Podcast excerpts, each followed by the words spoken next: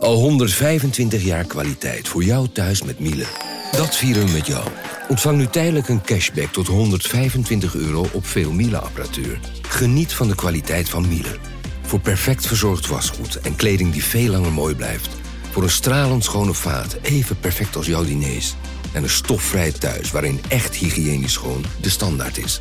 Check miele.nl voor alle feestelijke aanbiedingen. Ik ben al jaren ondernemer, maar waar moet ik eigenlijk allemaal aan denken nu ik voor het eerst personeel wil aannemen, voor het eerst ga importeren of voor het eerst een bedrijfslocatie zoek? Weet wat je wel of niet moet doen bij zaken die je voor het eerst oppakt. Check kvk.nl voor praktische stappenplannen. KVK, hou vast voor ondernemers.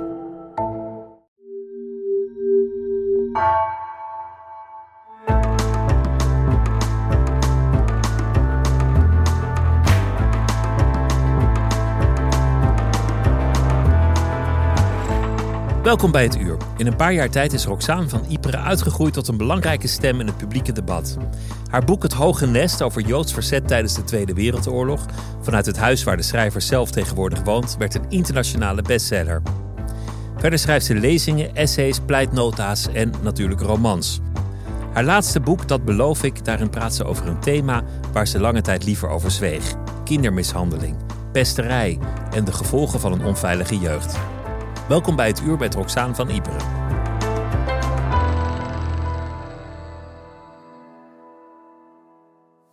Roxaan, welkom. Wat leuk dat je langs wilde komen. Wat een, uh, een genoeg om je hier te ontvangen. Nou, wederzijds, altijd. Ze, ze, zeggen wel eens dat je, dat je juist moet schrijven over datgene waar je liever niet over praat. Dat je, dat je juist daar waar je liever niet komt, je pen moet bewegen. Ja. Is, is dat, is dat wat er nu aan de hand is? Uh, ja en nee. Ik denk zeker dat dat waar is. Dat je natuurlijk daar, ja, daar wordt het natuurlijk pas echt interessant. Um, waar de lezer, maar vooral de schrijver voelt dat ergens het mes op de keel staat. Uh, dat het echt uh, bijna dodelijk kan zijn als je de verkeerde afslag neemt. Tegelijkertijd geloof ik ook wel echt in een gevoel van vrijheid, juist om ook die keuzes te nemen. Um, dus enerzijds ja, want dat maakt het boeiend. En ik denk bij dit boek, bij dat beloof ik, Um, maar ook bij de andere boeken die ik heb geschreven, was het iedere keer voor mezelf weer de vraag: en wat nu? Ik, ik weet het niet meer. Durf ik dit überhaupt wel? En tegelijkertijd ook wel dan met vlagen de emotionele distantie om er toch ook naar het ambachtelijke werk te kijken. Dus dat er altijd toch de vrijheid was uh, om te zeggen: maar dit is de betere keuze voor het boek. Misschien niet voor mij, maar wel voor het boek het gaat niet echt over jou. Het gaat niet echt over jouw leven. Het hoeft ook niet echt zo gegaan te zijn, want je bent een boek aan het maken, een constructie. Ja, maar het gaat wel over mij. Dat is ook bij ieder boek zo, maar zeker bij dit boek gaat heel erg over mij. Maar inderdaad, ik denk dat er twee manieren zijn. Uh, ik wil om meteen natuurlijk de, de, uh, bij de naam te noemen. Kijk, dat beloof ik, is gewoon op mijn jeugd gebaseerd. Ik bedoel, dat, dat, dat is, daar wilde ik vanaf het begin af aan ook heel duidelijk over zijn. We hebben elkaar eerder gesproken over andere boeken. En dan wilde ik dat altijd heel erg op afstand houden. Kijk, dat is op zich niet veranderd, omdat ik vind dat het niet relevant moet zijn voor uh, wat mijn werk, of, of mijn werk goed is of niet goed is. Dus waar je vandaan komt en, en, en wat je hebt meegemaakt. Maar ja, wat dit boek wel is, en zo, zo bedoel ik dat je dit soort materie kan benaderen. Sommigen gebruiken schrijven als een soort verwerking. zie je natuurlijk zeker bij verlies van mensen. Uh, mensen die hun ouders of een kind zijn verloren. Uh, maar ook bij in scheidingen of, of, een oorlog of een aardbeving hebben meegemaakt. Sommigen gebruiken het schrijven echt vanuit de wond. Dus ik, zit er middenin, ik heb iemand verloren en ik, en ik ga nu alles opschrijven. En daarna hè, uh, ga je natuurlijk redigeren. En anderen, en ik denk dat dat voor mij meer geldt met dit boek in ieder geval, uh, schrijven vanuit het litteken. Het is al geheeld. Ja. Maar er zit een litteken en ja. daar zit. Toen, toen, we hebben elkaar een keer drie uur lang gesproken. Ja. En toen wilde ik wel graag praten over je jeugd Ja. en je afkomst. En ik, ik merkte heel snel, ga daar maar niet naartoe. Vraag er Nee. maar niet op door. Nee. Dit is, dit is iets waar echt liever niet over gesproken wordt. Ja, het wordt vaak, vind ik, ehm, en dat zal schrijvers eigen zijn. En voor jou, jij bent natuurlijk ook echt iemand van het woord. Dat zul jij misschien ook zo ervaren. Alles wordt zo snel zo plat. En dat is natuurlijk het fijne aan een boek. Het is een geregisseerd schrijven. Dus je kunt tien keer terug naar een zin Totdat je denkt, ja, dit is wat het moet zijn. En al het andere eigenlijk um, schiet tekort. Dan verlies je ook controle.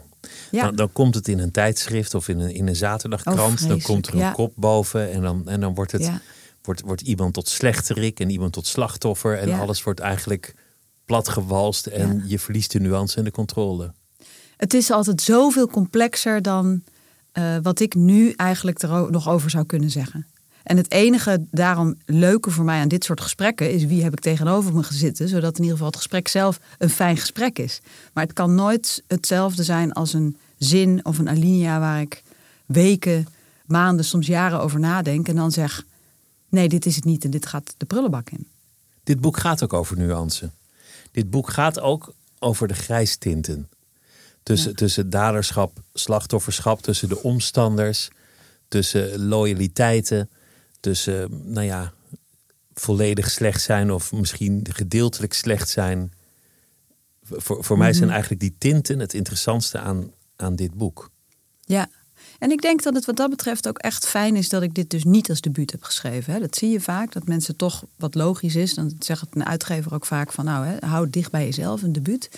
En ik heb dat nooit gedaan. Ik heb daar nooit ook enige interesse in gehad om, dit als debuut te schrijven. En dat dit nu verschijnt, is voor mij ook zo prettig, omdat de, uh, de metafoor met natuurlijk echte oorlog is voor mij zo overduidelijk. Um, je kunt niets met oorlog vergelijken, maar wel die grijstinten. En wat ze bijvoorbeeld vaak zeggen over landen die maar niet uh, de verwerking met de oorlog uh, eigenlijk aangaan. Het, het, het, moment dat je niet meer alleen maar spreekt over slachtoffers en daders, is het moment dat je weet dat een land echt kan gaan verwerken. En dat geldt misschien dus ook wel op microniveau. Dat als je niet meer alleen maar in de wond zit van het slachtoffer en de dader, dat dan de interessante reflectie gaat beginnen. En dat was voor mij wel het schrijven van dit boek. Dat is ook de reis die veel mensen met een slechte jeugd of problemen thuis hebben, hebben doormaakt. Van de lieve ouder als dader leren zien en dan later daar weer de nuance in aanbrengen. Ja. Dat het niet alleen maar een dader was of niet alleen maar een slecht mens. Mm -hmm. Of dat er ook wel liefde is tussen alle woede tussen al het verdriet in. Dat, dat veel dingen naast elkaar kunnen bestaan. Dat denk ik zeker. Moet ik wel altijd erbij zeggen, want mensen begrijpen dit vaak niet. En dan krijg ik veel commentaar dat ik eh, aan nivellering doe. Dus dat ik bijvoorbeeld zeg, eh, een kind is ook schuldig in zo'n situatie. alles is maar grijs, het is maar hoe je het bekijkt. Nou, dat, dat is echt onzin. Tuurlijk, een kind is altijd een kind verdient veiligheid. Ja, uh, zo simpel is het. En, en, en, ouders zijn daarin de volwassenen. En uh, de omstanders, de samenleving, even groot gezegd, dat zijn ook de volwassenen. Dus een kind is daarin slachtoffer. Precies hetzelfde als je naar de oorlog kijkt. Um, uh, dan kun je ook niet aan nivellering doen. In de jodenvervolging waren de joden slachtoffer. Punt. Maar dat is waarom het zo interessant is. En ik, ik denk dat wij daar ook wel eerder over gesproken hebben. Mijn fascinatie natuurlijk bij die grijze, de gray area, die Primo Levi zo prachtig heeft beschreven. Um, die gaat dan juist over om je oordeel op te schorten. Om even te zeggen: oké, nou prima, hebben we dat vastgesteld. Dat is de dader, dat is het slachtoffer, dit zijn de omstanders. Nu schorten we ons oordeel op en nu gaan we kijken wat gebeurt er allemaal in dat grijze gebied. Dus wie hanteert welke overlevingsmechanismen uh, en welke strategieën heeft bijvoorbeeld de dader. Ja, en het allerinteressantste voor mij daarin is nou ja, bijvoorbeeld zoiets als hoe een dader, of dat nou in een oorlog of in een thuissituatie, zo'n slachtoffer medeplichtig maakt. Een kind medeplichtig maakt, waardoor, dat is natuurlijk de grootste mindfuck die je maar kan ervaren, waardoor zo'n kind op een gegeven moment letterlijk denkt, ja maar ik creëer dit. Dat is natuurlijk ook een vorm van magisch denken, maar... Ik heb iets gedaan waardoor mijn vader mij nu slaat. Bijvoorbeeld. Om maar eens wat te noemen. Het is gewoon een hele simpele, uh, en dat zal nooit een bewuste gedachtegang zijn, maar dat is wel als je die patronen als volwassene gaat doorzien, dan ligt daar het handelingsperspectief. Dus daar ligt bijvoorbeeld, ehm, eh, als je uh, kijkt naar, naar alle MeToo-affaires die we zagen en dat iedereen zei: waarom spreken die mensen niet meteen?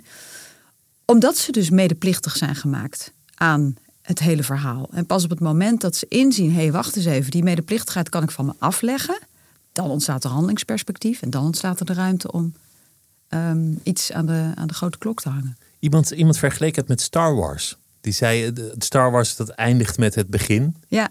En, en dat in, in het oeuvre van Roxane van Ypres dit het oerboek is. Ja. Dit is het vertrekpunt, want, want deze thema's komen in al jouw werk naar voren. Ja, dat is mijn zoon die dat, uh, de wereld in ge- gebracht heeft. Echt waar? Die, be- Ja. die bedacht dat het Die Star Wars te Ja, ja, vergelijken ja, was. die is filmfanaat.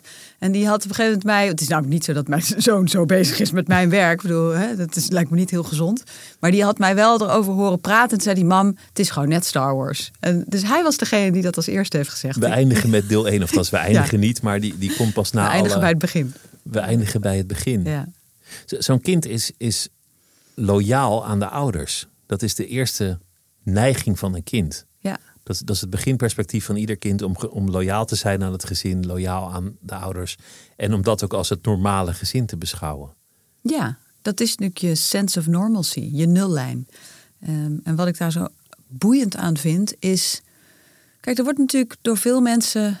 eh, er wordt heel veel getriggerd, hè, zodra je over jeugd gaat praten. Er is 50% haalt zijn neus ervoor op. Niet het zoveelste traumaboek, dat geouwe hoer over jeugd. eh.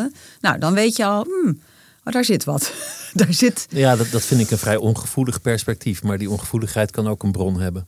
Nee, maar dat is het. het, Ja. het is, er zit natuurlijk een bron achter van, van mensen die zelf iets niet aan willen kijken. Want anders zou je er natuurlijk niet zo eh, verbaal over zijn. Want dat kun je namelijk ook denken en voor je houden. Dat is een beetje hetzelfde als mensen die Mensen heel... kunnen niet meer zoveel voor hun houden, heb ik de indruk. Dat, dat is een gewoonte uit het verleden. Ja. maar het is een beetje hetzelfde. Dat vind ik ook altijd zo prachtig als mensen die eh, overal maar heel hard roepen wat voor een hekel aan musicals hebben. Dat ik op een gegeven moment denk, ja, maar het feit dat je dat zo graag wil uiten, dat zegt vooral heel veel over jou. Want je kunt het ook denken. je hoeft er niet mee bezig te zijn. Nee, je hoeft er ook niet mee bezig te zijn. Maar het zegt dus iets over waar je jezelf wil positioneren.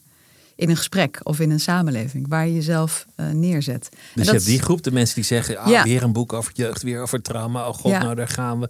Nou, dat is niks voor mij. Ja. En de andere groep die er extreem op aanslaat. Maar zo extreem dat het ook niks meer met mij of het boek te maken heeft. Ehm, en, dan heb je, en dan is het dus als schrijver denk ik zaak om de, eh, een beetje het vacuüm in het midden te vinden waarin je zegt: Oké, die stemmen die hoor ik tijdens het schrijven, allebei die stemmen. Maar ik zoek een beetje de leemte, de frisse lucht in het midden waar de creatieve vrijheid ligt. Waarin ik die stemmen dus, waar ik daar niet naar luister. Dus ik wil niet het, het boek schrijven wat proves everybody wrong, die zegt: Oh, niet weer zo'n traumaboek. Maar het moet ook niet een boek zijn waarin ik denk: Oh ja, dit gaat bepaalde mensen helpen. Nee. Dat lijkt me sowieso een van de moeilijkste dingen aan schrijven. Om allerlei stemmen in je hoofd op mute te drukken. Gewoon uit te schakelen, niet te internaliseren. En die vrijheid te zoeken van, van het, het lege scherm of het lege vel. Ja, en ik denk, ja, hoe vind je dat? Dat is natuurlijk in ieder. Dat is bij wat jij doet ook zo. Eh, hè, je luistert naar de mensen die zeggen: Oh, wat was dat voor een goed gesprek? Dat gaat meespelen. Of mensen die zeggen: Oh, ik vond dat, dat minder of zo. Ja, hoe doe je dat? Is het niet ook heel goed luisteren naar mensen om je heen die je vertrouwt? Die er geen baat bij hebben om je op te hemelen of juist naar beneden te halen? Ik luister wel goed, denk ik, naar mensen om me heen. Een paar mensen, niet veel. Iemand heeft wel eens gezegd: niet luisteren naar mensen aan wie je geen advies zou vragen. Ja. ja. Het er zijn een paar mensen waarvan ik echt denk, ehm, zonder dat ze meteen keihard zijn en, en, en alle menselijke aspecten uit het oog verliezen, zien ze wel het boek boven alles. En dat is wat ik natuurlijk wil. En laat mij maar sudderen in wat overblijft. Als je over iets heel individueels, iets heel persoonlijks schrijft, of als dat het vertrekpunt is van je boek, dan maak je vaak uiteindelijk iets universeels. Dat is het wonderlijke. Je gaat naar iets wat, wat misschien in, in ten beginne heel particulier voelt. Ja. En uiteindelijk heb je een boek geschreven dat, dat, dat heel algemeen is en dat over heel veel mensen gaat. Ja, en ik denk dat het voor mij wel lang heeft gekost voordat ik daar naartoe kon. In de gesprekken, in het schrijven. Ik denk dat ik juist toch wel echt met hele grote, eh, weet je, eh, bewegende, eh, omtrekkende bewegingen. ehm, altijd dacht: het mag nooit over mij gaan. Het moet altijd over interessante materie gaan. Over de wereld, over het Het moet over de wereld gaan. En het mag zeker niet over mij gaan. En pas, ja, ook toch weer de oorlog. Ehm, het, het- uiteindelijk gaat het erom het generieke specifiek te maken. En dan ontstaat er iets. En dan is het aan de lezer om van dat hele specifieke weer een, iets algemeens te maken. Maar dat laat je dan aan de lezer. En ik denk juist inderdaad toch wel eh, in het verleden, denk mijn ja, was het een angst? Het zo bewust is het niet geweest, maar toch een soort huivering om niet al, al, te, eh, al te specifiek te worden. En specifiek, dat is persoonlijk. Want wat moet het anders worden? Ik kan niet specifiek op jou gaan schrijven. Dat, dat zou gekunsteld zijn. Ehm, dat ik daar nu wel een beetje, dat ik dat wel losgelaten heb met dit boek. Ja. Is het nog relevant voor jouzelf dat je een slechte jeugd hebt gehad? Definieert het je nog? Ja, in die zin dat ik ook wel eens denk. ehm kom veel mensen tegen die, die van de anti-brigade zijn. En die zeggen. Mensen moeten leren het verleden los te laten. Hè? Of dat nou over onze oorlogsgeschiedenis, of het koloniale verleden gaat, of over onze Het mooie van het verleden is dat het voorbij is. Het is voorbij en wij hebben de kans om met een schone lei te beginnen. Maar dan denk ik, het zijn de benen waarop je loopt. Het is het fundament waar een land op gebouwd is. Wij staan op de beschavingsbreuk van Auschwitz als symbool voor de Tweede Wereldoorlog. En dit zijn ook de benen waar ik op loop. Eh, en die negeren zou me heel wiebelig maken, denk ik. Hoe is het nu vandaag nog, nog merkbaar in jouw leven? Waar je vandaan komt? Poeh, dat is een moeilijke vraag. Ehm, dat, daar kom je natuurlijk steeds pas achter als je met je neus tegen dingen aanloopt, als je gecorrigeerd wordt. Ik denk toch, eh, toch wel een extreme. het, het idee dat er altijd ieder moment iets kan gebeuren. Dus een afwezigheid van, van een zekere ja, lichtzinnigheid. Ik zou, ik, ik, daar ben ik wel jaloers op bij mensen. Dat je gewoon iets kan eh, doen overdag en daar je in volledig kan verliezen zonder ieder moment te denken. Oh, maar wacht even, waar zijn alle uitgangen? Waar, waar is staat altijd, die? altijd gevaar ergens Er is- in je achterhoofd. Er is altijd gevaar. En ik denk dat je dat. En als je daar eenmaal bewust van bent, is dat niet erg. Hè? Want het klinkt alsof dat heel erg moet drukken. Maar dat drukt op zich helemaal niet. Maar het is wel goed om je er bewust van te zijn. het Zeker kan ook lekker zijn, altijd bewust zijn van gevaar. Het kan ook bijna een soort kick geven.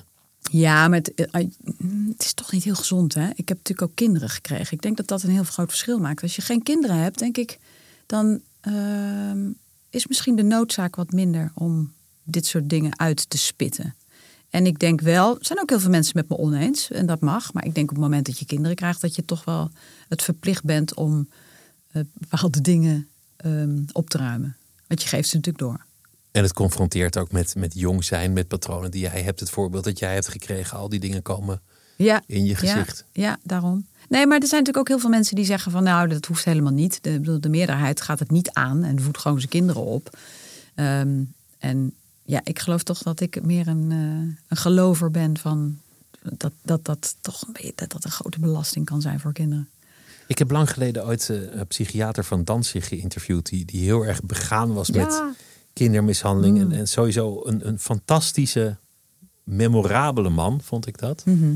Een van de dingen die hij zei is... jij ziet in mij een oude man, maar ik zie mezelf als 28. Ja. Ik was toen 28. Oh ja. En hij zei, ik, zie, ik zie mezelf zoals jij jezelf ziet. Ja. Ja. Vond ik heel leuk. Maar hij zei, alle stress van de samenleving komt terecht bij de kinderen achter de voordeuren. ja. Waar niet Afvalputjes. ziet. Dat, dat is waar de klappen vallen. Ja. Kinderen en dieren, die zijn het kwetsbaarst. Ja. En die krijgen alle stress van de samenleving op hun dak. Ja. Nou, maar dat is natuurlijk zo. En daarom ben ik, ik ben echt stikjaloers dat jij hem gesproken hebt. En ook nog op je 28ste, dat het nog zo vol binnenkomt. Dat je nog zo helemaal open ja, het staat. was, het was ongetwijfeld een zeer slecht interview. Hoor. Nee, maar dat doet er niet toe. Ja. Gewoon zo dat, dat, dat je zo'n man kruist op die leeftijd. Dat is natuurlijk echt helemaal te gek. Eh, ik heb hem veel bestudeerd en heb hem ook verwerkt in de genocidefax. Waar die eigenlijk helemaal gaat over eh, mensen, hoe mensen onder, groep van, eh, onder druk van groepsprocessen zwijgen. Niet acteren. Eh, De meerderheid van ons natuurlijk. En dat was zijn grootste klacht aan de Nederlandse samenleving. Hij heeft trouwens zelf de kampen overleefd. En weet dus nogal wat van, van groepsdruk en, eh, en, geweld. Ehm, en dat hij altijd zei: ons onvermogen om hier geen vooruitgang in te boeken, om hier gewoon. ieder jaar opnieuw blijven de cijfers zo hoog. Ieder jaar opnieuw eh, moeten we constateren: we helpen niet meer kinderen. We komen niet dichter bij, bij, bij het kleiner maken van het probleem. Hij zegt: en zolang dat zo is, kun je niet zeggen dat de samenleving vooruit gaat.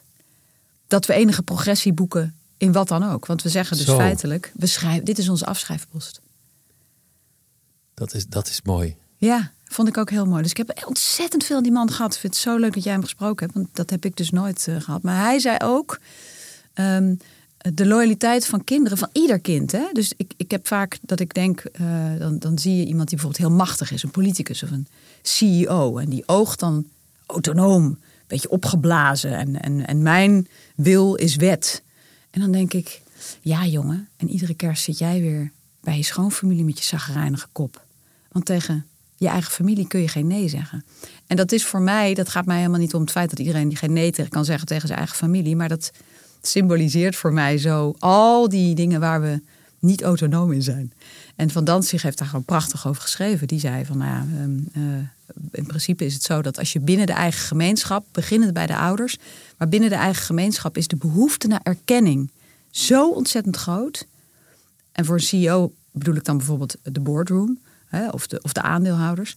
Ehm, alles zal daarvoor wijken. En er zijn heel weinig mensen die daar hun eigen weg in durven kiezen. Die echt autonoom kunnen zijn. Die echt, nou, ik denk dat het sowieso niet, niet haalbaar is, maar daarover durven nadenken. En durven zeggen, oeh, ik heb heel veel keuzes in mijn leven gemaakt voor de goede gemeente.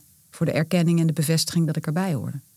Het, het, het meisje in je boek, M, wordt ze, wordt ze meeste van de tijd genoemd. Ja. Die, die probeert dat gezin te beschermen. Ja. Als er wordt gevraagd van, goh, gaat alles wel goed? Ben je wel gelukkig hier op school? Eh, Gaat thuis alles goed? Dan zal ze vurig ontkennen dat er iets aan de hand is. Ja. Er zijn een aantal momenten in het boek, en dat houdt het zo spannend, dat je, dat je even een bevrijding lijkt aan te bieden, die vervolgens niet gebeurt. De ouders van het vriendinnetje, die, die hadden een opening, maar Ja. die kiezen eigenlijk voor hun eigen comfort. Familieleden doen wel wat ze kunnen, maar zetten uiteindelijk niet een grotere stap dan dat. Ja. De, de, de school had een grote kans om iets te doen. Er is een leraar die wel ziet dat het meisje goed kan leren, maar uiteindelijk blijven ze allemaal in hun eigen veiligheid. Ja, en ik denk dat dat, dat is natuurlijk een hele bewuste keuze geweest. Ik denk dat de lezer eh, blijer was geweest met, met een paar Disney-momenten. Dus Zo zit een mens gewoon in elkaar. Je wil dat Disney-moment. Je wil Ja. af en toe de verlossing van, oh, maar dit is echt een heel goed mens. Deze buurman, ja, de- hier ligt eh, eh, even het vacuüm om te slapen. Hier ligt even de, even de rust. En voor mij was toch meer het doel, omdat ik hoe ouder ik werd, me steeds meer realiseerde hoe theoretisch deze hele materie is. Ja, waar is kunst nou voor bedoeld? Waar is een film voor bedoeld? Ik bedoel, dat is waar mijn zoons, die echt filmfanaat zijn, iedere keer de bioscoop uitkomen. En daar is ook een meme over, heel geweldig, die ze steeds rondsturen aan mij. Ehm, eh, dat je de bioscoop uitkomt en je voelt je dat personage. Je bent in de oorlog geweest, eh, eh, je bent in de woestijn gestrand. En dat is natuurlijk wat een boek ook moet doen. Is niet toch meer wat een lezer fijn had gevonden. Want ik krijg natuurlijk ook terug dat mensen zeggen: Oeh, het is wel een stomp in mijn maag. Ehm, ja, maar dat is ook wel hoe het is. En ze die ervaring nu niet op, in theorie bieden. Van nou, dit zijn de cijfers, dit zijn de aantallen, dit is hoe het werkt. Dat weten we inmiddels wel. Maar ze eigenlijk die wereld insleuren. Dat is waarom ik ook een perspectief van een twaalfjarig kind heb gekozen. En niet het terugvertellend perspectief van een volwassene. Want dan blijf je ook al wat meer natuurlijk weer in de, in de safe zone. afstand. Ja, dan, dan eh, hoef je als lezer weinig werk te doen, want dat doet die volwassen vertelstem dan wel voor je. En nu was het puur, hoe trek je een volwassen lezer in dat universum, in de bossen, waar je mee rent met haar en eigenlijk steeds je hand naar haar uitrekt en je komt er toch nooit bij. Nou, dat effect wilde ik creëren. Dus je, het lukt je ook nooit echt om haar te pakken, maar je bent er wel bij aanwezig. En dat meisje verstoort ook de werkelijkheid. Die, die maakt eigenlijk een soort fantasie van de wereld. Mhm. Waardoor ze het ook op afstand houdt. Waardoor ze op een gegeven moment zelf ook niet meer weet wat nou echt is en wat niet. Ja, Alles kan een verhaal zijn. Alles kan fantasie zijn en fictie. ja. Ben ik nou mishandeld of niet? Op een gegeven moment is het niemand meer duidelijk, ook haarzelf niet. Nee, en dat, dat was voor mij ook de, ehm, eigenlijk ook het leuke aan het schrijven van sommige scènes. Ik dacht ergens eh, wil ik dat de lezer denkt, verrek, maar zij is ook een onbetrouwbare verteller. Maar daarvoor moest ik de lezer natuurlijk wel eerst aan haar kant krijgen. Dus je moet eerst een bepaalde sympathie voor haar hebben. Je moet eerst helemaal erin meegaan. En ergens moet er dan een draai komen waarin je denkt, maar wacht eens even. Wat nou als zij dit allemaal verzint? Dat is natuurlijk ook de ervaring van veel kinderen in die situatie. Hè? Dat, dat ze op een gegeven moment natuurlijk ook oprecht denken... maar ik verzin dit allemaal, want anders zou er wel iemand iets, iets doen. Ehm, en dat zit hem voor mij in een hele cruciale scène eh, die eh, eh, in de sneeuw plaatsvindt. In, een, in een boerderij, een hele afgesloten ruimte. En daar ben ik echt op zoek gegaan. Hoe krijg ik nou geloofwaardig voor elkaar dat de lezer meegaat in die sneeuw? Dus dat, dat kennen we wel, die ervaring dat je binnen zit en al het geluid wordt gedempt. Want de sneeuw komt steeds hoger, de snelwegen zijn dicht, alles is dicht. En dat je dus steeds verder terug in je hoofd keert. En het wordt kleiner en kleiner en kleiner. Echt een bewustzijnsvernauwing. En dat zit voor mij in die scène. En ik hoop zo dat ik dat een beetje geloofwaardig heb kunnen overbrengen. Wat, wat is er met jezelf gebeurd ten aanzien van het meisje dat je gecreëerd hebt? Ze lijkt op jou, ze heeft, ze heeft, ze heeft veel krullen. Ja. Er, er zijn veel overeenkomsten. Het, het is een soort versie van je jongere zelf.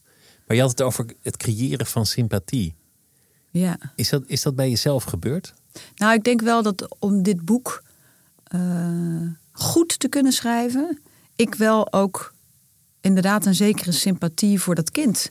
Ja, dit klinkt echt heel hard, hè? Zo van, oh ja, hoe kun je nou geen sympathie met zo'n kind hebben? Maar ik denk dat heel veel mensen zullen herkennen die uit zo'n situatie komen, is dat je juist heel lang helemaal geen sympathie voor dat kind hebt en alleen maar denkt, nou, dat kind dat is dan nu klaar. Dat vegen we nu aan de kant. En nu gaat mijn leven beginnen. Dat is de larf waar ik uit voort ben gekomen. Ja, en, en met die larf moet je zo snel mogelijk afrekenen. Want het is nu tijd om een leven op te gaan bouwen. En niet om uh, nog tussen je 18e en je 28e eens even fulltime bezig te zijn met die arme larf die, die we nog eens even moeten koesteren. Nee, je nou, bent blij dat die niet meer bestaat. Je Ja. bent blij dat je er vanaf bent. Ja, en dat is voor heel veel mensen eh, is dat gek. Want die denken dan van, oh, maar hè, bijvoorbeeld, inderdaad, waarom begin je niet meteen aan zo'n boek te schrijven? Nee, je begint aan de wereld. En je bent dolblij dat je nu eh, eh, vanaf een bepaalde leeftijd mag je op je eigen benen staan, hoef je geen verantwoording meer af te leggen.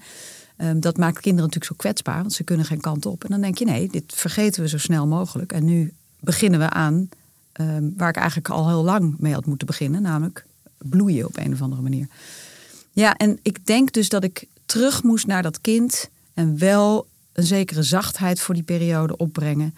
Eh, want anders wordt het geen goed boek. Je kunt niet vanuit, je kunt niet met rigide hand kun je niet schrijven. Dat Maar je, je zei dat je niet een boek voor heling hebt geschreven, maar Mhm. ineens liefde en begrip voelen voor je jongere zelf lijkt me heel helend. Ja, maar daar gaat natuurlijk zo'n lang privéproces aan vooraf. Dat kan niet binnen één boek. Dus dat is een proces geweest wat vooral privé heeft plaatsgevonden. Met op alle mogelijke manieren dat dus aankijken. En eh, daar eh, eigenlijk dat beginnen te kneden helemaal. En als laatste zetje voor het boek me realiseren... oké, en nu moet er ook een zekere mildheid komen... waarbij ik naar het personage kijk. Ja, en als ik naar het personage kijk, kijk ik natuurlijk in zekere zin ook naar mezelf. Maar niemand had mildheid voor het personage destijds, voor het kind. Nee, maar nogmaals, ik denk dus om een veelstemmig boek te schrijven, waar heel veel kleur in zit, kun je dus ook niet de stem van één personage daarin vertolken. Als ik het alleen maar had vertolkt vanuit een eh, bijvoorbeeld een rigide vaderstem, een man die getroubleerd is en eh, vanuit onvermogen, onwil, eh, geen enkele compassie met wie dan ook op kan brengen. Nou, die mensen die kennen we heel veel. Maar dan schrijf je natuurlijk een strikt narcistisch boek. Dat is één stem, dat is één kleur. Als je het schrijft vanuit de moeder. Kijk, dan vervallen we dus in die dader-slachtofferperspectieven.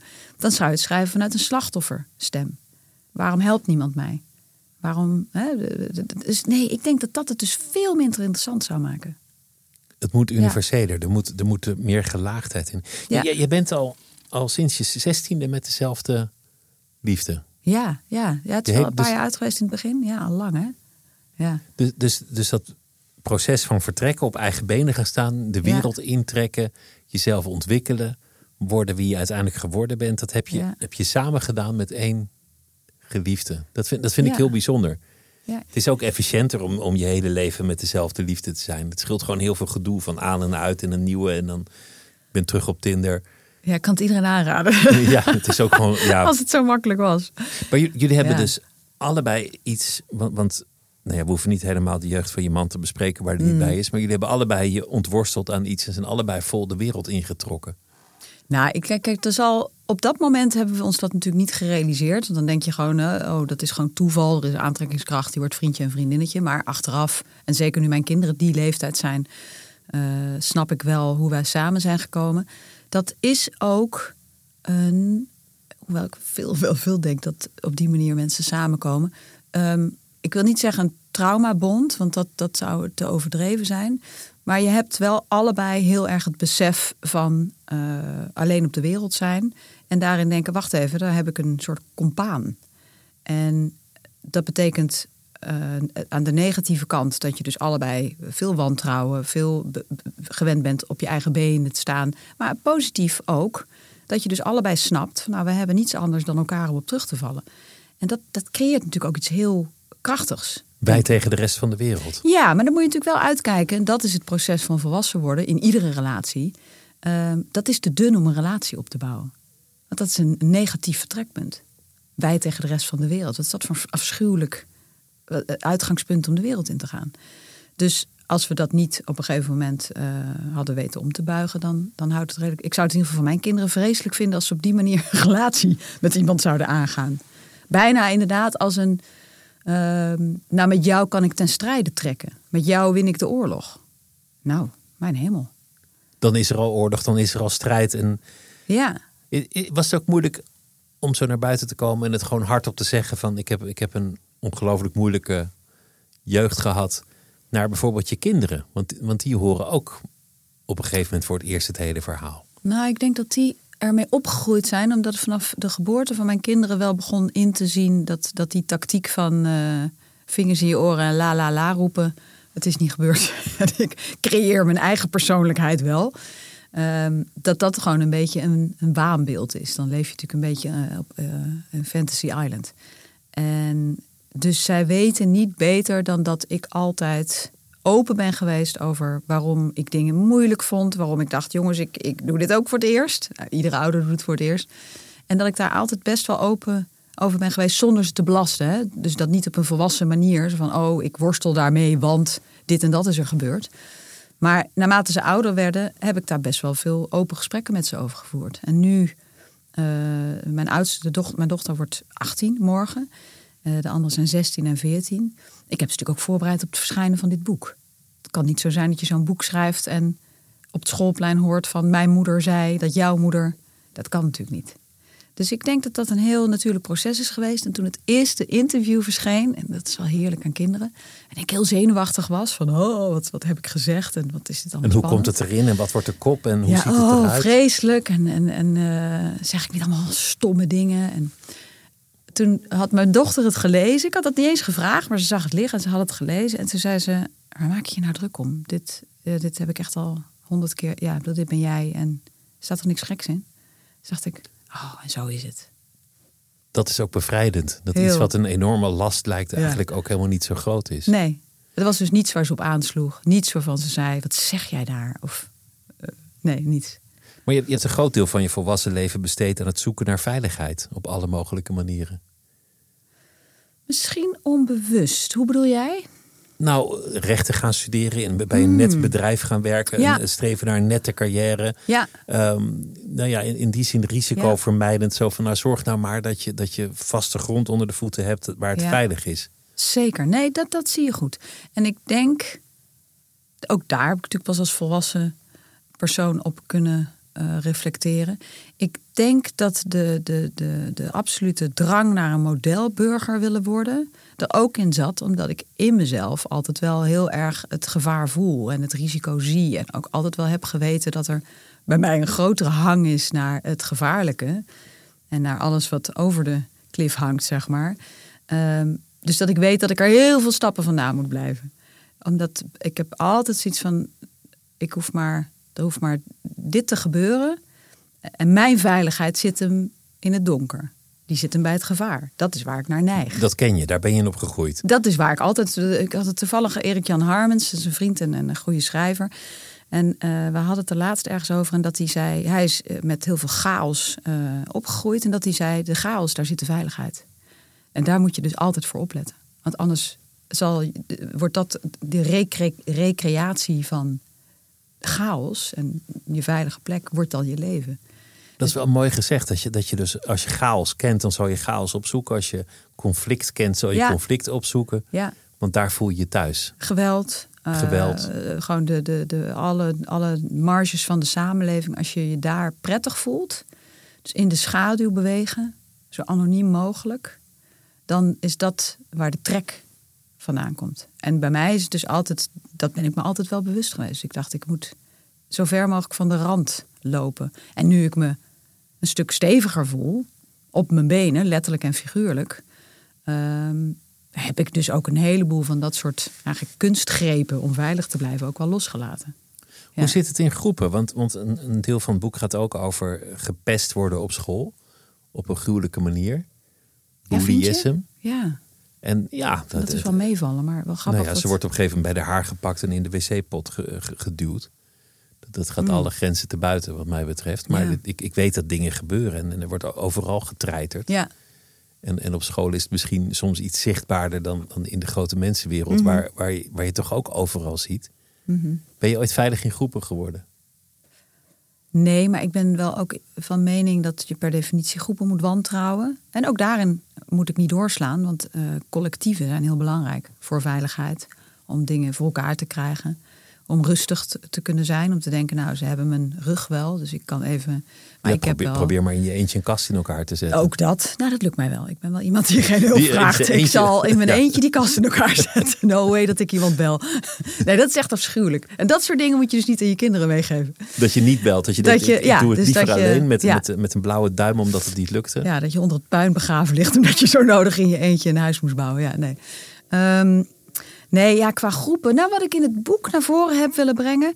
Het meisje zoekt de hele tijd uh, aansluiting bij groepen die minderheden zijn. Die dus ook inderdaad aan de rand van de samenleving staan. Roma op een zeker ogenblik. Ja, uh, een groep uh, gefrustreerde mannen die zich kunstenaars noemen en, en in het bos leven. wat, ik, wat een van mijn lievelingsdelen van het boek is, want het is zo in vier delen opgebouwd, het vakantiepark leven.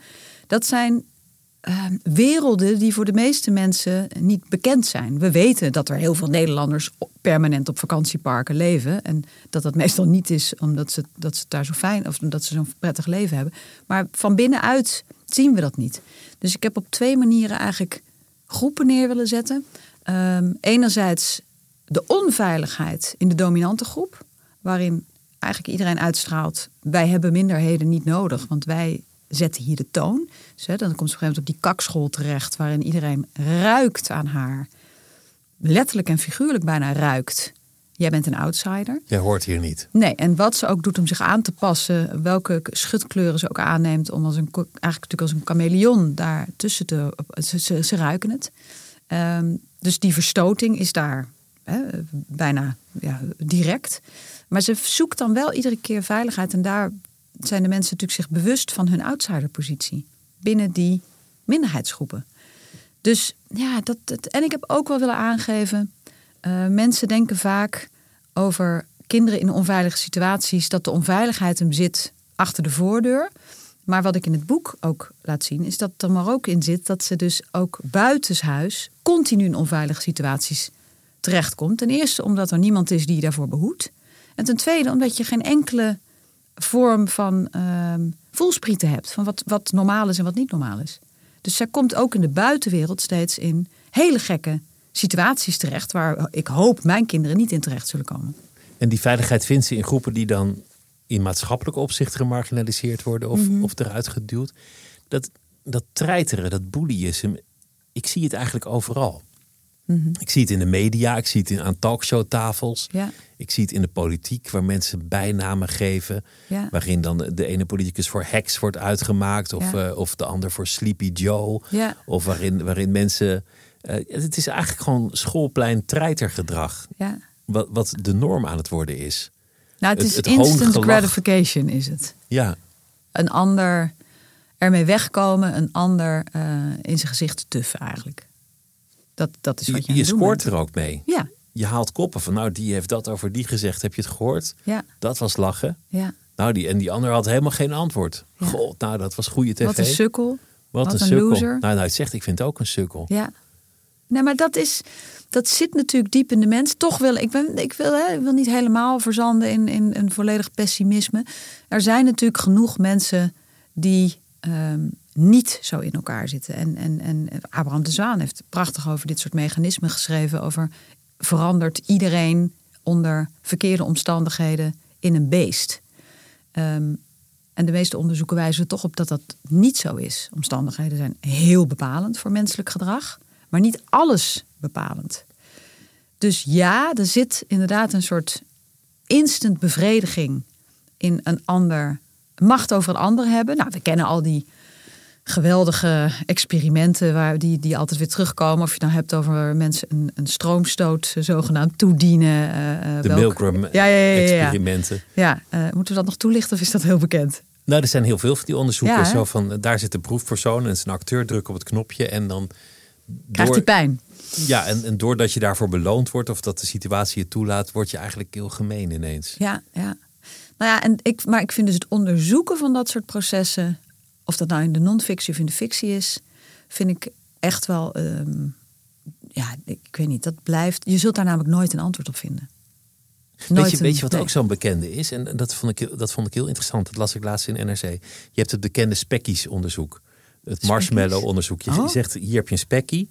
En uh, als je die niet opeet, krijg je over een uur oh, twee ja, spekkies. Ja, bij kinderen. Ja, en dan oh, hebben ze die mensen gevolgd. En dan bleek dat wie, wie voor de twee spekkies ging, die werd later succesvoller. Ja. En ze dachten altijd, die kan op termijn denken. Dat is geen korte termijn denker. Ja. En dat hebben ze nu opnieuw gedaan.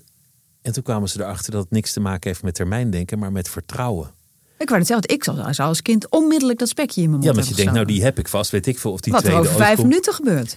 Maar dat het voorspellend is voor succes Oh. staat wel overeind. Dus Ja, de mate waarin je vertrouwen aanleert, Ja, geloof ik wel. is bepalend voor je maatschappelijk succes. Maar dit leidt eigenlijk terug op eh, wat ik wel vaak ook zeg over het boek. Ik heb er nog niet de juiste woorden voor gevonden, maar dat er een tweedeling in, in de samenleving is van mensen van het hoofd en mensen van het lichaam. Nogmaals, dat is niet helemaal de goede benaming, maar mensen van het hoofd zijn eigenlijk de rustige mensen, de mensen die plannen kunnen maken, de mensen die niet geregeerd worden door hun fysieke impulsen van angst, van lust, van, van, van eh, willen boeien of van geweld willen gebruiken. Die kunnen in hun stoel zitten en denken: Nou, wat ga ik nou eigenlijk studeren? Of wat, wat ga ik hierna doen? Wat is mijn carrièreplanning? Wat vind ik van mijn relatie? Ik, eh, in het weekend hou ik me met cultuur bezig, met literatuur. En de mensen van het lichaam, en dat komt natuurlijk in het boek, M is heel erg iemand van het lichaam, naar voren, die altijd acuut met alles bezig moeten zijn. En je ziet eens in de zoveel tijd, jij weet dan meteen wat ik bedoel, zie je columns terugkomen in de krant waarin, ja, columnisten zijn nou eenmaal vaak mensen van het hoofd, die genadeloos oordelen over mensen van het lichaam. Bijvoorbeeld door te zeggen, maar al die arme mensen en dat gezeur over dat ze niet gezond kunnen eten, je kunt toch verdomme wel gewoon aardappels koken in plaats van friet halen.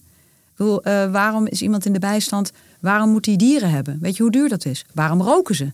Ze. Het gaat altijd over ze. Hè? Dus die kloof, die gaat voor mij ook heel erg over de spekkies. In een leven van het lichaam ben je altijd acuut aan het handelen.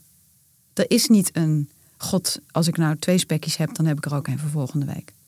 En ik denk dat heel veel mensen daar heel weinig begrip voor op kunnen brengen. Hoe het is om in die constante staat van zijn te leven. Maar die kloof die er dan bestaat tussen, tussen de zij en de hen en de, de, de achterstanden en de, en de voorloper en, en hoe je het ook noemt. Ja, Dat is dus ook een psychologische kloof. Dat gaat ook over vertrouwen. Het gaat Ja. ook over veiligheid. ja, Over dat soort dingen. En, en jij had het over, over het maken van veilige keuzes. Van nou ja, zorg maar dat je een goede baan hebt in een bedrijfsleven. ja, Toen ik ging studeren leek het allemaal wat minder scherp op de snede. ja. Maar de, de grens tussen mensen die het allemaal wel kunnen betalen en niet kunnen betalen, die wordt steeds scherper. zeker. Want de middenklasse valt nu ook langzaam aan Ja. in dat ravijn van, eh, nou ja, dat betaal ik volgende week wel. Nou, en dat is. De, de, de- de- mijn eh, vorige boek ging natuurlijk helemaal over die middenklasse. Ehm, en eh, ik ben zo blij dat daar dus ook meer aandacht voor komt. Want het is heel goed dat er nu aandacht is voor de mensen eh, die echt onderaan eh, bungelen. Ah, meer aandacht, laten we ook wel eerlijk zijn. Politieke beleid, het zijn vooral woorden. Want het beleid doet natuurlijk helemaal nog niets voor die groep. Maar de aandacht begint nu ook om zich een beetje uit te breiden naar die, naar die middengroep. En die inderdaad, dat acute begint nu door te sijpelen naar de middengroepen. En ik denk gewoon nog steeds dat de mensen op de posities die het voor het zeggen hebben, of je het nou hebt over jij en ik achter de microfoon nu, of de politiek of in het bedrijfsleven, zijn toch de mensen die dat acute zelden begrijpen, maar nog erger, zelden er nog begrip voor op kunnen brengen. Dat is het hoofd en niet het lichaam. Dat is het. Van, ja, maar ja, luister, als jij al twee jaar thuis zit, had je toch bij de, in de biep gratis een cursus kunnen volgen. Had je toch kunnen gaan solliciteren? Wat is je punt? Dit, dit is wel interessant. Ik, ik merk bij de huidige Nederlandse verkiezingen dat er, dat er een soort enorme hang naar het midden is ineens. Dat iedereen het heeft over nabuurschap of gemeenschapszin. Het zijn woorden, hè? want dit was bij de vorige verkiezingen ook al. Dus de, bij de vorige verkiezingen, want daar, daar heb ik vooral eigen welzijn eerst op geschreven, zag je dat in woord het migratie, de, de, totale migratieobsessie in woord veel minder was. Uiteindelijk ging het daar wel om. Ehm, maar dat er veel meer gesproken werd over we moeten weer aan wederkerigheid doen, zodat de middenklasse weer weet waar die voor werkt. Dat was vooral CDA, VVD die daar heel erg op zaten. Um, in daad ging het nog steeds met name om migratie. En die wederkerigheid ging dan niet om Nederlanders onderling, maar tussen nieuwkomers en wat ze noemen dan oorspronkelijke Nederlanders. Dus uiteindelijk ging het weer om hetzelfde. Maar die afslag is al wel langer genomen, omdat ze natuurlijk zien dat dat electoraat steeds meer naar die extremere partijen overspringt. Dus ze verliezen gewoon electoraat. Maar het blijft wel bij woord. Ik weet niet of het. Ik had een soort hoop dat er, dat er een soort zwijgende meerderheid van mensen die niet wil polariseren aan het opstaan was. Omdat als je kijkt naar Amerika, dat, dat, land kan niet meer door één deur. Dat, dat, dat, gaat, gewoon, dat gaat gewoon niet meer. Die, die zullen op een gegeven moment ja, misschien moeten gaan afsplitsen dat Californië onafhankelijk wordt en, dus, en New York of zoiets. En, en ik denk dat daar in Nederland past dat zo niet in de cultuur. Dus, dus dat mensen toch hopen van, nou ja, laat dat polariseren voorbij zijn. Nou, het verschil met Amerika, en daar zit hem nog wel de, de, de opening voor ons, is dat daar natuurlijk de middenklasse echt totaal vernietigd is. Dus daar, daar is het uh, echt zo'n zo'n kloof tussen de haves en de haves not. Kijk, dat is in Nederland helemaal nog niet zo. Maar wat je wel ziet in al die rapporten van de overheid, en ik zag dat Kim Putters ook weer veel interviews er nu over gaf, is ehm, dat de gemiddelde, dus de middenklasse, 70% van Nederland. En dat is een belangrijke groep, want die houdt alles economisch bij elkaar, maar die houdt ook alles politiek bij elkaar en sociaal. Dus dat zijn gematigde mensen, geen mensen van de revolutie. Dus de mensen inderdaad die gewoon rust in de tent willen. Ehm, dat die nu wel twee keer zo hard moeten fietsen. En ook met z'n tweeën. Dus niet een man zoals uh, dat vroeger was. Je had één goede baan en dan had je een middenklasse bestaan. Je moet nu wel met z'n tweeën hard fietsen om datzelfde bestaan eigenlijk te kunnen, te kunnen houden. En dat zorgt voor heel veel stress. En dat zorgt voor heel veel onzekerheid. En dus voor een afnemende solidariteit. Want dat is weer de oeroude. Eerst mijn eigen zaakjes op orde. En dan kom ik bij de buurman. Laat staan bij iemand die niet eens op mij lijkt. Um, en daarom is het zo belangrijk dat je dus investeert in die, in die middengroepen. En dat je dat leven rustig houdt. Want er komt vanzelf iemand die zegt: joh, vroeger hadden we het zo goed. Kijk nou hoe, hoe mooi het was. Mhm. En toen kwamen zij, nou vul maar in wie dat is. Ja. De, de, de, losgeslagen elite, de buitenlanders, maakt allemaal niet zoveel uit. Ja, Hully. En die hebben het verpest. En als, we, als we die nou eens uit de weg ruimen. Dan is het opgelost. Dan zijn we weer gelukkig, zoals vroeger. Ja. Maar dat is natuurlijk het, het geweldige soort Machiavelliaanse leiderschap. Waarin politici uh, in plaats van het veel complexer die mensen geven wat ze nodig hebben, namelijk wat steviger grond onder hun voeten, zeggen: nee, maar dat is de zondebok. Um, en wat steviger grond onder de voeten creëren, 30 jaar afbraak van publieke voorzieningen, een scheef gegroeid belastingstelsel, dat is een heel complex en niet sexy antwoord. Maar als je dus wil kijken, want jij zegt, hè, ze hebben het nu veel meer over de middengroepen. Als je wil kijken of dat gemeend is, dan moet je in alle partijprogramma's kijken naar de belastingvoorstellen. En in ieder partij, eh, eh, in ieder nieuw programma voor de verkiezingen staat altijd: nee, we moeten echt een drastische belastingherziening hebben, waardoor arbeid verlicht wordt, de middenklasse, adem geven. En eigenlijk stil vermogen, de slimme, uh, de niet-losers die gewoon met heel veel onroerend goed en investeringen een podcast op een eiland kunnen gaan maken. Ja, die genieten eigenlijk alle belastingvoordelen. Um, maar het haalt het nooit. Het, het, uiteindelijk zit hij nooit in de regeerakkoorden. En dat is waar je echt het verschil zou uitmaken. Niet met zeggen, jullie hebben het gedaan. Dus, dus, dus belasting is het vehikel waarmee je... Altijd letten op belasting. Het voor, voor zeggen krijgt. En dat is na de financiële crisis, waar juist die middenklasse dat volledig gedragen heeft, ehm, is dat alleen maar schever gegroeid. Dus als je kijkt naar wat er uh, overblijft bij uh, mensen die uit het arbeidsproces hun geld moeten halen en mensen die uit vermogen hun geld halen en daarvan leven, dat is zeker na de financiële crisis enorm scheef gegroeid. En ik zeg altijd, dat gaat namelijk niet alleen maar over de droge, gorddroge cijfers, want niemand wil het hebben over belastingen, pensioenen, investeringen. Um, maar het gaat over de waarde daarachter die je afstraft. De waarde van discipline, uh, familiebedrijven, uh, je ergens in bekwamen 30 jaar lang, uh, op tijd zijn. dat zijn ook zingevingswaarden. En die straf je af met hoe je je belastingstelsel inricht. Dat vind ik een hele boeiende discussie en die wordt nergens gevoerd. Omdat iedereen denkt belasting saai, komt nog wel. We hebben het wel over een onveilig wereldbeeld, automatisch. Ja. In, in, in al jouw maatschappelijke beschouwingen kom je vrij snel uit op toch onveiligheid, op gevaar. Ja, het zit er op toch de duisternis, op, op de mogelijkheid van geweld. Ja, en die is er altijd en misschien ben ik me daar te zeer van bewust. Ik denk altijd dat is zo dichtbij. Ehm, geweld. Het is natuurlijk niet voor niets dat ik groepsgeweld bestudeer, genocides. En daar zie je in mensen willen, en dat zou zo fijn zijn, dat het een random iets is. De vlam in de pan, dat zeggen ze toch altijd? En toen sloeg de vlam in de pan en ging men elkaar te lijf. En uh, waar juist het interessante zit, is de lange, lange, lange aanloop. En dan pas slaat de vlam in de pan. En die aanloop, dat is nog waar je inderdaad het handelingsperspectief hebt. Dus um, uh, het feit dat we nu in een samenleving zijn waarin dat wij-zij praten zo normaal is. Nou, ik wil geen oude lul zijn samen met jou, maar dat was 15 jaar geleden nog niet zo sterk. Dus dat alles wij-zij is. En dat, dat is onderdeel van een hele lange aanloop, waarin je dus steeds minder je kunt identificeren met mensen die niet hetzelfde leven leiden als jij. Maar er gebeurt heel lang iets en dan een plotselinge omslag. Ja. En dat kantelpunt, dat kondigt zich niet zo heel goed aan. Nee. Behalve dat het systeem intoleranter wordt. Ja. Dat, dat zegt Martin Scheffer, die is ecoloog, die weet alles van vijvertjes en omslagpunten. Oh, wow. En die ziet een soort universele wet voor het kantelpunt in alles. Ja. En die zegt als het systeem intoleranter wordt, dus dat een Mhm. kleinere gebeurtenis een groter effect heeft, dan sta je aan de vooravond van een kantelpunt. Ja. En dan kan de vlam in de pan Dan slaan. En dus die nogmaals, en ik ben niet iemand die nu zegt: Oh, we staan op het punt in Nederland. Weet je, ik ben geen, geen half doemdenker. Want dan kom je bij allerlei mensen aan die. Nee, daar moeten we heel ver van blijven. We hebben in Nederland hebben we gewoon een democratische rechtsstaat waar heel veel hele mooie waarborgen in zitten. Ik bedoel, dat is ook het mooie aan, aan, aan, aan dat soort eh, eh, technieken natuurlijk. Maar je ziet toch in andere westerse democratieën hoe snel die ook af kunnen brokkelen. Nou, af kunnen brokkelen is eigenlijk te passief. Hoe snel die eh, vernietigd kunnen worden. En dat is in Nederland helemaal nog niet in vragen. Maar als je bijvoorbeeld kijkt naar de eh, programma's van normale, wat we vroeger normale, gematigde conservatieve partijen noemen.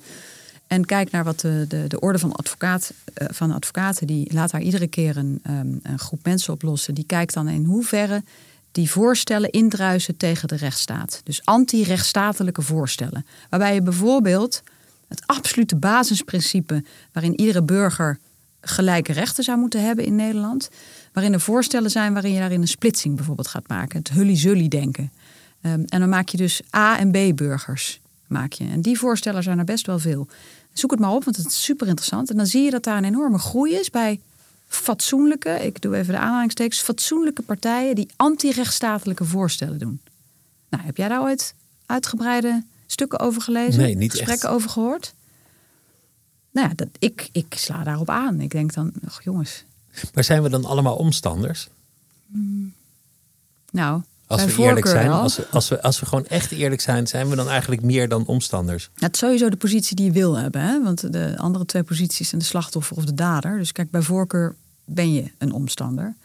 En eh, waar voor mij de zoektocht ligt, is hoe maak je van zwijgende omstanders kritische omstanders? Dat is wat Van Danzig deed. Daarom vind ik Van Danzig zo'n bijzondere man. Ehm, en in principe kan dat dus vanuit iedere discipline. Want hij was een psychiater, eh, ik ben schrijver. eh, dat, dat maakt niet zo heel veel uit. Nou ja, hoe maak je van mensen een kritische omstander? Ehm, dan kun je bijvoorbeeld, er is geen recept voor, maar een, een, een voorbeeld daarvan is hoe durven mensen non-conformisten te zijn? Nou, dat is het meest ingewikkelde wat er is. Eh, als ik jou morgen eh, naar je werk zou sturen in een felroze, fluorroze berenpak. Hè, dan heb je het niet eens, hebben we het niet eens over oorlog, dan hebben we het gewoon over kleding. Hoe oncomfortabel jij je zou voelen om opeens zo niet conform je hè, normale eh, eh, uiterlijk het leven in te stappen. Nou, hoe maak je, je hoeft niet andere kleren te gaan dragen, maar hoe maak je dat mensen durven tegen de wind in te gaan? Ja, en, en dat, dat is heel ingewikkeld in een tijdperk waarin populariteit, likes, letterlijk likes, hè, een duim omhoog of een duim naar beneden. Ehm, ja, hele generaties nu aan het vormen. Ik zie het aan mijn kinderen. Die weten precies hoe ze de likes moeten krijgen. Die kijken de hele dag van buitenaf naar, naar binnen. Je bent de hele dag aan het kijken naar het gedrag wat populariteit oplevert. En ik zeg altijd, als je vanuit mijn expertise kijkt naar menselijk gedrag, wantrouw de populairste mensen het eerst. Want dat zijn degenen die in een situatie waarin het erop aankomt. Het zijn hele mooie onderzoeken dat uh, als je bijvoorbeeld iemand s ochtends al bij het aankleden dwingt om iets te doen waardoor hij uit, uit, uit zijn comfort eigenlijk gaat, dat hij later op de dag eerder zal handelen in ingewikkelde situaties. Dus als hij dan bij de tram staat en aan de overkant valt iemand met zijn boodschappen en er komt een tram aan, dat hij eerder zich uit de groep zal losmaken om naar de overkant te rennen. Van die hele kleine, gekke dingen.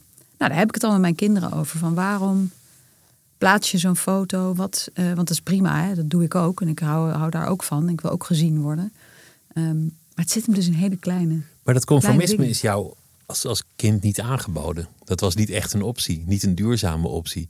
Die zat er wel op, maar uiteindelijk moest je een non-conformist worden om, om jezelf te redden. Ja, om het leven in te gaan. Ja. Maar ik weet dus ook wel wat het is om daar uh, om een hang te hebben naar wel gewoon daarin op te kunnen gaan. Omdat het ook lekker is. Omdat het heerlijk is. Waar gaat jouw leven over? Is dat de drang naar vrijheid? De, uh, is, is de taal? Is het intellect? Um, dat leven wat je zelf gesticht hebt, het leven waarin je jezelf hebt uitgevonden.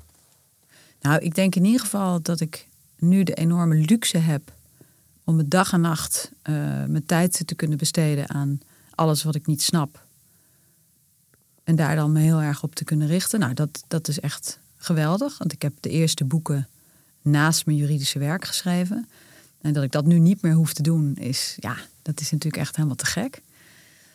En verder, ik denk wel dat ik het graag heel klein houd ook wel. Dus ik ben altijd al lang blij als, uh, als het met de kinderen goed gaat.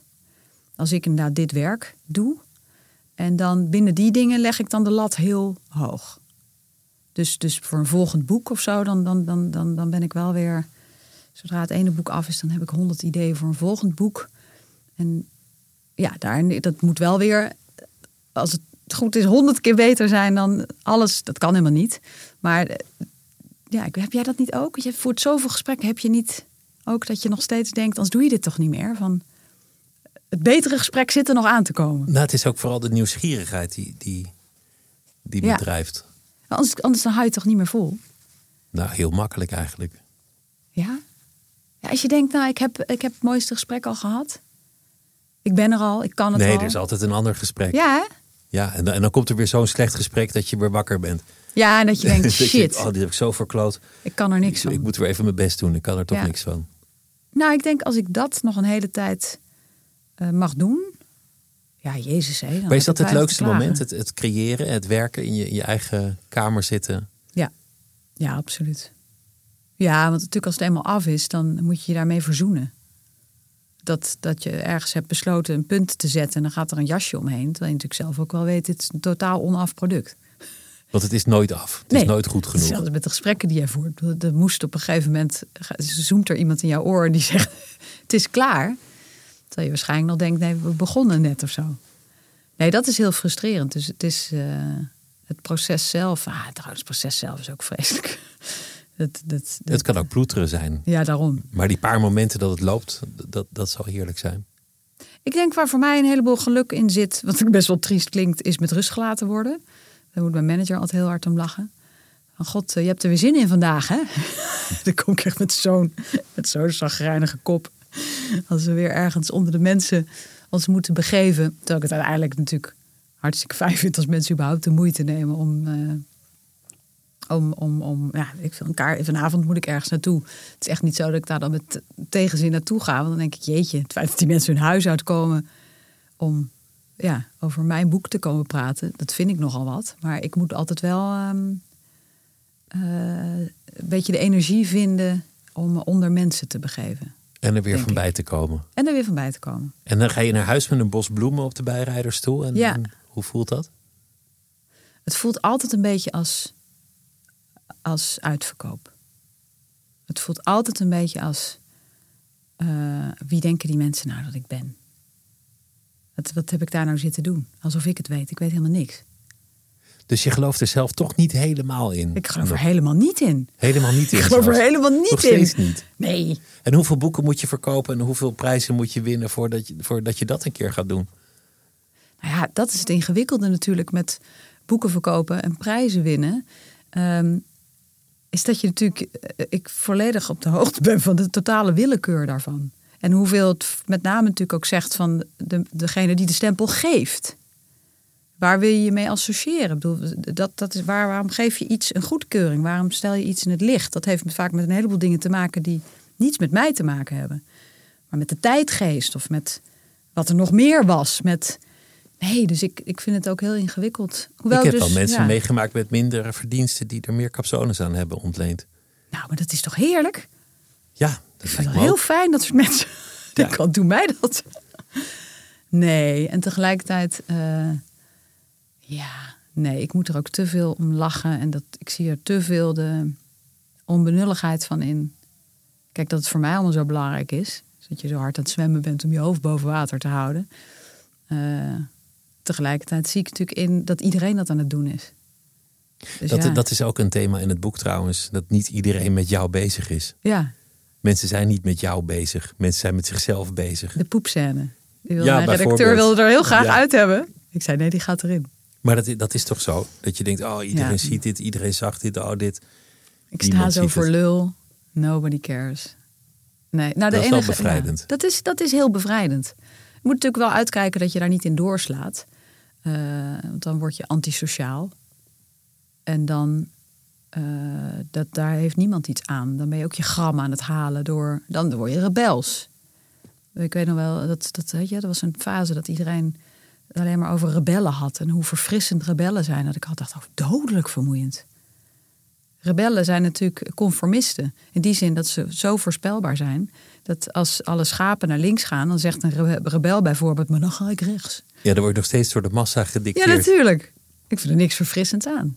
Nee. Nee, het ingewikkelde zit nou juist in dat je de zijn. hele tijd moet nadenken: wat zijn mijn motieven? Wat zijn de valse motieven? Ja, ja dat is best vermoeiend, hè? Ik denk dat je boek verfilmd gaat worden en een groot succes gaat worden. Ik hoop het. Dank dat je langs wilde komen. Het was een groot genoegen. Ja, fijn om je Dankjewel. te spreken. Dankjewel. Dit was het uur voor deze week. Het uur wordt gemaakt door Mira Zeehandelaar, productie Claire van der Woude. Mijn naam is Pieter van der Wielen. Tot volgende week.